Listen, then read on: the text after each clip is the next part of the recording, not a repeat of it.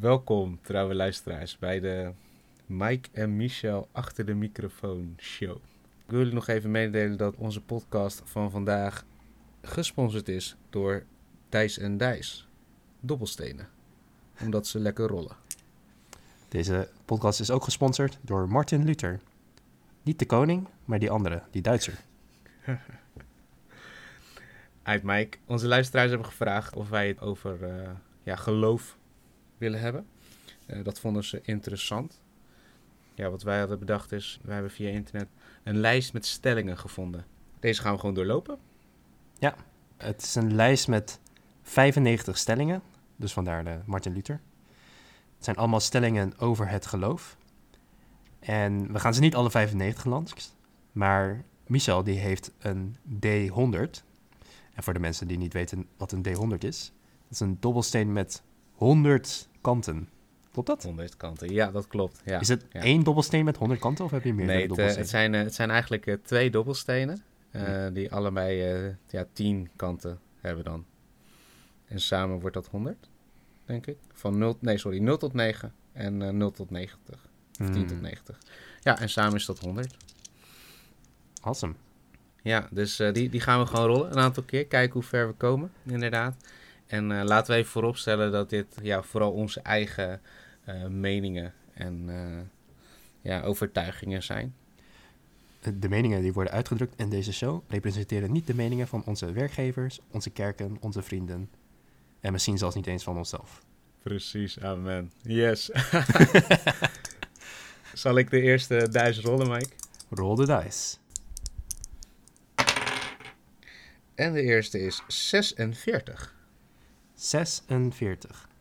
De scheiding tussen Rooms-Katholiek en Protestant is achterhaald.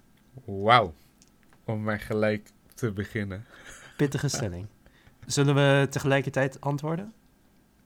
Ja, dat lijkt me best wel rumoerig, eh, Mike. Of gaan we gewoon een ja-neetje gooien? Het, nou, het is een ja en neetje. Oké.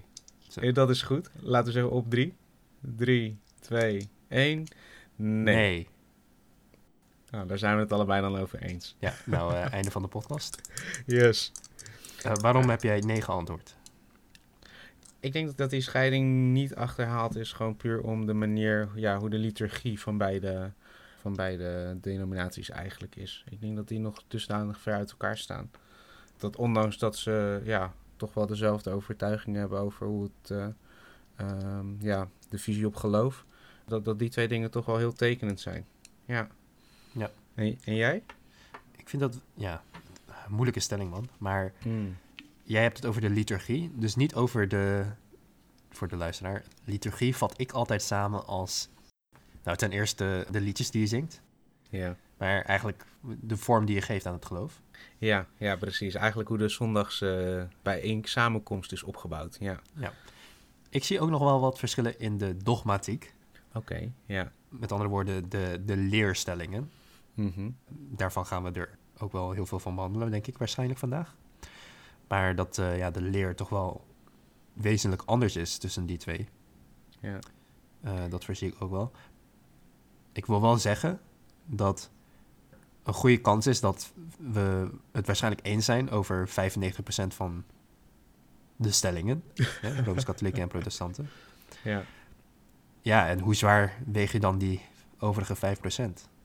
Ja, true. Ik vind dat lastig hoor. Want je kan dit natuurlijk niet alleen betrekken op Rooms-Katholiek en protestant. Maar ook binnen het protestantisme heb je nou, duizenden stromingen. Ja. En zelfs binnen eenzelfde stroming kan je verschillen hebben. Binnen een kerk kan je verschillen hebben. Tussen jij en ik heb je vast wel verschillende overtuigingen. Definitely. En soms ben ik het niet eens eens met mezelf van vorige week. Ja. Nou ja, precies. Eh, want die stelling staat er natuurlijk niet voor niks tussen. Ik denk wel dat inderdaad die, die harde scheiding, die ooit is ontstaan, om ook echt gewoon anders te zijn. Want dat, dat is het natuurlijk geweest. Het, protestantisme wilde zich eigenlijk afzetten tegen eh, de manier hoe de eh, Rooms-Katholieke Kerk eigenlijk het geloof beleefde. Ik denk dat die scheiding wel inderdaad steeds, steeds dunner is geworden. Ik denk dat de mensen die nu protestant zijn, het niet meer doen met in hun achterhoofd dat ze zich daadwerkelijk willen onderscheiden van andere geloofsstromingen. Of eh, Rooms-Katholieken, of onze eigen denominatie eigenlijk. Je trekt het jasje aan wat bij je past. Zullen we naar de volgende stelling gaan? Dat lijkt mij goed. 26. Oeh, de zes is populair vandaag. Ja. Nummer 26. De kerk gaat niet over de tweede feestdagen. Eh, Oké. Even voor mijn eh, beeld, Mike, wat bedoelen we hiermee? Ehm, geen flauw idee, maar ik, ik denk dat ze het dan hebben over tweede paasdag, tweede pinksterdag. Oké. Ja, of we die allemaal niet moeten vieren of zo. Nou, laten we gewoon antwoorden. 3, 2, 1. Ja. Ja. Prima. Zullen we gewoon de volgende rollen? ja, maar om, om toch wel even kort toe te lichten. Ja. Ja, als we het hebben over feestdagen, dan hebben we het waarschijnlijk over weet je, wanneer je vrij krijgt en dat soort dingen. Mhm. De scheiding tussen kerk en staat vind ik persoonlijk heel erg belangrijk. Definitely. Ja. Ik vind niet dat de kerk zich eigenlijk moet bezighouden met dingen waar de staat zich mee bezighoudt. Ja. En daar zijn veel mensen het waarschijnlijk met mij oneens. Ja. Dat betekent niet dat ik tegen christelijke partijen ben. Dat eh, Mhm. absoluut niet.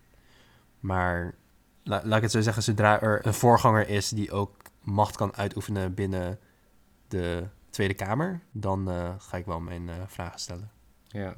ja. Nou ja, kijk, ik denk inderdaad in een wereld waarin een heel land één geloof beleidt, dan, dan zou die scheiding er niet eens per se hoeven zijn, denk ik. Maar we hebben zo'n mooie diverse samenleving, waarin je toch inderdaad wel eh, ook in de politiek, denk ik, vertegenwoordigd moet zijn eh, door, alle, ja, door alle kanten en lagen van de samenleving. Dus inderdaad, dat moet gewoon lekker gescheiden blijven. En eh, de overheid eh, die, die kan daar de keuzes over maken. Wat ik natuurlijk wel mooi vind, is dat we in een land als Nederland traditiegetrouw eigenlijk wel de christelijke feestdagen eh, nog vieren. Daar ben ik zelf wel heel blij mee. Nou, ik weet het niet hoor, eh, Mies. Ik eh, zou ook wel vrij willen hebben op andere feestdagen hoor. Dat vind ik ook helemaal niet erg. True, true. Ja, er mogen ook wel wat meer feestdagen bij. Suikerfeest vind ik ook niet erg. eh. Zullen we naar de volgende gaan? yes. 47. Ja, daar zaten we in de buurt. Oké, 47. Een protestant zet niemand aan de kant. Nou, 3, 2, 1. Ja. Ja. ik, hoorde een twijfelachtige ja. Ja, ik, ik heb voor ja gekozen omdat ik denk, van, ja, dat, eh, dat, dat zal wel kloppen. Ja, dat, eh. Maar ik zou het niet zeker weten. Ik heb ook voor ja gekozen, want ik denk dat dat zo zou moeten. Ja, Eh, of het in de praktijk gebeurt, is nog maar een vraagteken. ja, En dan eh, kijk ik voornamelijk naar mezelf. Mhm. Hè? Doe ik dat wel? ja. Ik moet ook denken aan het verhaal van de goede Samaritaan. mhm, Ja, Die zette ook niemand aan de kant. En dat is iemand die Jezus als voorbeeld neerlegde als, als iemands naaste. ja, Dus ik hoop dat het antwoord voor iedereen ja is. Maar ik snap dat het in de praktijk wel eh, anders kan uitpakken. ja. Ik snap wat je bedoelt, inderdaad. In theorie eh, is dat natuurlijk wat iedereen graag zou willen. In de praktijk kan het nog wel eens voorkomen dat je een, de andere kant op kijkt. Dus eh, idealiter zetten we niemand aan de kant. Maar goed, eh, de mens blijft de mens. Zal ik de volgende rollen? Roll the dice. Nou, het blijft toch wel een beetje bij eh, soortgelijke cijfers. Maar nu is het 73. 73. Voor mij is het besef heel belangrijk dat ik lid ben van een wereldwijde kerk. Hmm. Oké. 3, 2, 1. Ja. We zijn het te veel met elkaar eens. eh. Ja, ik, ik ga volgens, bij de volgende gewoon het, het tegenovergestelde roepen wat ik denk. Want ik hou er ook wel Ja. van om, eh, eh, om te discussiëren of te debatteren. Dus dat, dat kunnen we dan op die manier gewoon, gewoon doen. Maar ik vind dit wel een leuke stelling, trouwens. Ja. De wereldwijde kerk. Ik, eh, ik ben er wel van overtuigd dat de Bijbel ons ook wel leert dat de gelovigen, eh, dat wij samen het lichaam van Christus zijn hier op aarde. Zeker. Ga jij op, als je op vakantie bent, ga je dan naar de kerk? Eh, wisselend. Wisselend. Hangt een beetje vanaf of het een korte of lange vakantie is. Ik ga sowieso op bezoek in kerken om te kijken. Mhm. ik, vind, ik vind vaak eh, katholieke kerken prachtig om te zien als ik op vakantie ben. Maar eh, Zeker. eh, ja, als ik een wat langere vakantie heb, dan, eh, dan mis ik de zondagse samenkomst. En dan eh, probeer ik wel inderdaad eh, om, een, om een dienst mee te maken. Ja. En jij, Mike? Ik doe dat ook. En ik vind dat wel echt prachtig om te zien. Ja. Gewoon het besef dat ja, God eigenlijk wereldwijd bezig is. Ja. Ook op plekken waar jij het niet ziet. Dat vind ik gewoon een, eh, een heel fijn gevoel. Ja. Daarom heb ik ja gezegd op deze stelling. Omdat ik het belangrijk vind om dat besef te hebben. Ja. Dat je er niet alleen voor staat. Dat je niet alleen in je eigen bubbel leeft. Maar dat het geloof de hele wereld rond bezig is. Ja. Ja, en ik vind, dat, ik vind het ook mooi om te zien eh, dat je elkaar daar ook in kan steunen. Ik herinner mij nog een, eh, een wintersport. Een van mijn eerste wintersporten die ik, waar, waar ik naartoe ben geweest. Toen was ik in... eh, ja, dat, dat is gewoon een skidorp eigenlijk. Dus eh, die, die zijn volgens mij ook vooral in de winter open. Maar eh, op zondag was er dus een, een kerkdienst georganiseerd. Meerdere momenten op die dag. Dus mensen konden eigenlijk gewoon lekker skiën en dan wanneer zij wilden naar de dienst komen. En Mhm. je zag daarin dus inderdaad ook de passie en de gedrevenheid van een voorganger en zijn, en zijn gemeente. En die was echt heel klein. Hè? Dan hebben we het over misschien tien mensen die eh, ja, eigenlijk eh, in een behoefte wilden voorzien. Het verspreiden van het evangelie. Eh, maar ook inderdaad de mensen wilden ja, voorzien van, van het woord en, een, en een zangdienst. Terwijl zij op wintersport waren. En dat heeft me heel erg geraakt. Ja, dat vond ik een prachtige ervaring. Ja, heel mooi. Ja. Dus ja, zo zie je maar dat, dat God eh, op zoveel manieren kan werken door mensen heen. Dus je op elk moment kan raken, ook op vakanties. Zeker, zeker. Zullen we naar de volgende gaan? 41. 41. 40 is wel populair vandaag. Ja, misschien dat mijn dobbelstenen niet helemaal zuiver zijn. Ze zijn gerikt. 41. De rechtvaardige wordt niet door onheil getroffen. Goddelozen worden bedolven onder ellenden. Spreuken 12, vers 21. Oké, Oké. 3, 2, 1. Ja. Oeh. Eh, eh, eh. ik, ik, mag ik even deze bijbeltekst op, opzoeken? Ja, zoek even de Bijbeltekst op, dat is goed. eh. Eh, Ja, spreuken zijn natuurlijk vaak gewoon hele korte Bijbelteksten. Dus ik denk dat het ja, ook gewoon de volledige tekst is. het is niet alsof dit in een bepaalde context valt. zo. Het is, Precies, eh, allemaal een precies. beetje eh, die richting op. Ja. Ja. Maar misschien eh, hoe we hem eh, kunnen, kunnen bespreken is hoe jij deze zou, eh, hoe deze tot jou, tot jou spreekt. Ja, goede vraag. Dus een aantal jaar geleden kwam The Bible Project. Mhm. kwam met een reeks met video's over de wijsheidliteratuur. En dat zijn eh, de boeken Spreuken, Prediker en Job. En die drie boeken die behandelen eigenlijk alle drie een soort van ja, andere materie die een beetje op elkaar bouwt. Mm. Hè, de spreuken zijn inderdaad heel vaak van die ja, korte wijsheden, korte spreuken. Mhm. Ja. Onder andere, de rechtvaardige wordt niet door onheil getroffen, goddelozen worden bedolven onder ellende. En dan heb je het boek van Prediker, die die spreuken eigenlijk ja, ondervraagt, Mm. toetst. Klopt dit wel?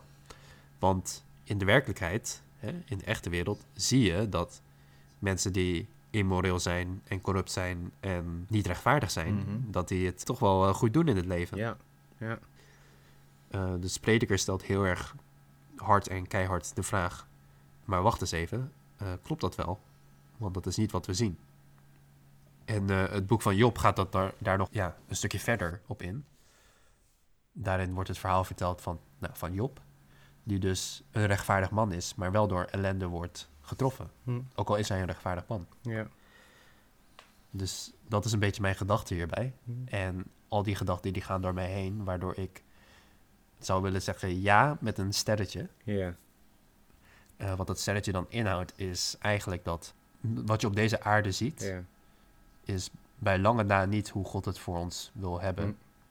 En hoe het zal zijn in de hemel, is eh, dat dit hopelijk wel waar is. Dat de rechtvaardige echt ja, niet door onheil wordt getroffen. Ja. Ehm, maar dat is eh, momenteel niet het geval, Ja. zou ik zeggen. Ja. Dus misschien zeg ik eh, ja met een stelletje, of misschien zeg ik eh, nee met een stelletje. Ja. Het kan allebei de kant op gaan, maar dat is mijn eh, gedachte in elk Ja. Nee, helder. En wel mooi dat je inderdaad die drie boeken er even bij gehaald hebt. En dan het, het voorbeeld van Job ook wel noemt inderdaad. Waarin we inderdaad toch wel duidelijk zien dat, dat op deze wereld onheil men zeker kan treffen. En zeker in deze tijd. Het is niet dat iemand per se gespaard blijft voor, voor iets als corona. Of andere ellende. Weet je, deze wereld is inderdaad niet perfect. En eh, ik denk wel dat eh, rechtvaardige mensen of mensen die, ja, die, die geloven wat dat betreft, misschien wel een andere manier eh, hebben van omgaan met, met hetgeen wat ons treft. En onze overtuiging ons ja, ook wel enig sinds kan bijstaan wat dat betreft. Dus, maar mooi, mooi bruggetje, Mike. Dank je. Zullen we de dobbelsteen eh, ja, misschien nog, eh, nog twee keer eh, gooien en dan misschien eens kijken of we zelf nog wat mededelen hebben? Ja hoor. Oké, eens even kijken. Ik ben benieuwd. Ik hoop dat dit een 90 plus worp is. Ah, kijk eens aan. 91. 91. De band van kerk en Israël is onopgeefbaar. Politiek, jeetje. Ja. Eh, Nou. Zullen we de rerollen? Ik, ja, we kunnen hier wel van, maar ik moet zeggen, ik weet ook niet eh, van alle markten thuis. Ehm, nou, ik, ik, ik, hem wel behandelen. Oké, laten we. We gaan even 3, 2, 1. Ja. Oké, vertel Mike. band van de kerk in Israël is onopgeefbaar. Kijk, er zijn heel veel dingen die je kan bedoelen met het woordje Israël. De eerste Hmm. is de fysieke plek, hè, Palestina. Ja. Ten tweede is het volk van Israël, dus de Joden. En het derde is de staat Israël. Hm. En dat zijn drie dingen die ehm, heel erg eh, van elkaar verschillen, verrassend genoeg. Ehm, er zit natuurlijk een eh, ja, hele geschiedenis achter het land zelf, hè, wat voor volken daar allemaal hebben geleefd. Eh, er zit Ja. natuurlijk een hele geschiedenis achter eh, de Joden. Voor, voor de Tweede Wereldoorlog, na de Tweede Wereldoorlog, de inmenging met de Britten en nou, allemaal van dat soort leuke dingen. En je hebt natuurlijk eh, de staat van Israël, wat een eh, duidelijk eh, zionistische staat is, die eh, ja, het, het land voor het volk heeft bedoeld. Ja. De band van kerk en Israël is onopgeefbaar. Nee, ik vind dat die opgeefbaar is. Hm. En dat heeft te maken met, eh, nou, laat ik het land dan even achterwege maken. Ehm, de staat Israël is allesbehalve heilig. Mhm. Kijk, je kan vinden wat je wil van zowel de Palestijnen als de staat Israël. Hè? Ja. En eh Gaza-strook en noem er nog wat. ehm, heel veel doden aan beide kanten die eh, vallen hè, in de tegenwoordige Ja. tijd. En dat is allemaal Ja. erg ja, verdrietig. Zeker. Uh, maar ik vind niet dat daarin de staat Israël is daarin niet onschuldig. Nee, zeker niet. Ik, hoop dat niemand dat denkt. Je kan een voorstander zijn van de staat van Israël, maar dan nog is ze niet onschuldig. Net zoals ik een bewoner ben van Nederland. En Nederland is ook eh, schuldig aan vele dingen. Daar hoef Ja. ik mezelf niet van af te wijzen. En dan heb je de band van de kerk met het volk Israël, dus de Joden. En ja, ook die vind ik opgeefbaar, want kijk, Jezus was een Jood. Punt. Mhm. De Joden zijn, nou, het zijn mensen, net zoals jij en ik en vele andere volken. Maar ik vind ze daarin niet specialer dan andere volken. Want, laat ik het dan even niet over de seculiere Joden hebben, maar echt de, de Joden, die, de orthodoxe Joden, die echt eh, het Joodse geloof eh, volgen. Mhm. Ja, die mensen geloven niet in Jezus. Nee. Seculiere Joden ook niet. Dus wat maakt die band nou zo speciaal? Dat we een geschiedenis hebben, hè? dat we een gedeeld eh, schriftgedeelte hebben. Maar de hele, de hele stelling van het christelijk geloof is juist dat Jezus is gekomen voor de wereld. Waaronder de Joden, zeker.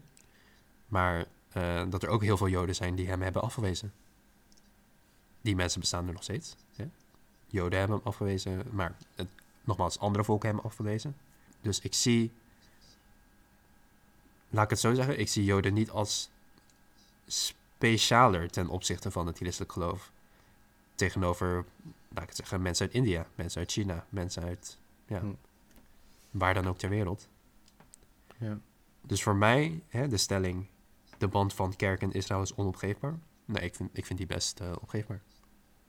Oké. Ja. Ik vind het nog het minst opgeefbaar met het land van Israël. Dat, dat, dat is misschien wat raar. Mhm. En dat heeft misschien als, eh, als een eh, liefhebber van geschiedenis en dergelijke... vind ik het Ja. eh, ja, toch wel een bijzondere fysieke locatie. ja, omdat daar veel is gebeurd natuurlijk. Precies, precies. Ja, ja nee, dat kan ik me voorstellen. Dus eh, grappig, hè? Dus eh, de staat absoluut opgeefbaar. Het volk absoluut. Het land, daar denk ik nog wel van... Nou ja, dat, daar hecht ik persoonlijk nog wel wat waarde aan. En ik zou ook heel graag naar Israël willen gaan, om die reden. Ja. ja, bedankt. Zal ik hem nog één keer rollen, Mike? Ja. Ja, kijk eens aan. 60. Eh 60. Het geloof geeft kracht, energie en blijdschap. 3, 2, 1. Ja. Ja. Absoluut.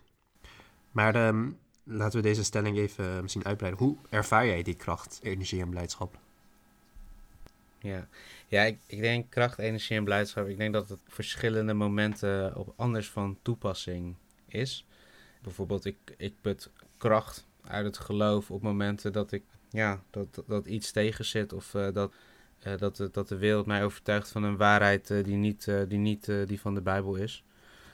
Dan put ik er kracht uit. Bijvoorbeeld, eh, ehm, ja, als je omgeving misschien zegt dat je ergens niet goed genoeg voor bent. Of dat je iets niet kan. Weet je, eh, dat je dan weet dat, dat eh, in de Bijbel een beschrijving staat van eh, hoe bijzonder je bent. En daar put ik dan kracht uit. Energie, die haal ik zeg maar ja, uit, de, uit de passie en bevlogenheid dat ik, dat ik weet waar ik, waar ik voor leef. En waar ik de dingen voor, voor doe. En voor wie ik het doe. Ehm, daar, dat, dat geeft mij energie. En eigenlijk ook de community, de gemeenschap, de kerk, die geeft mij ook heel veel energie. Ja, en blijdschap eigenlijk in alles eh, waarin ik eigenlijk ja, Gods, Gods hand zie. En dat, dat kan echt in de kleine dingen zijn.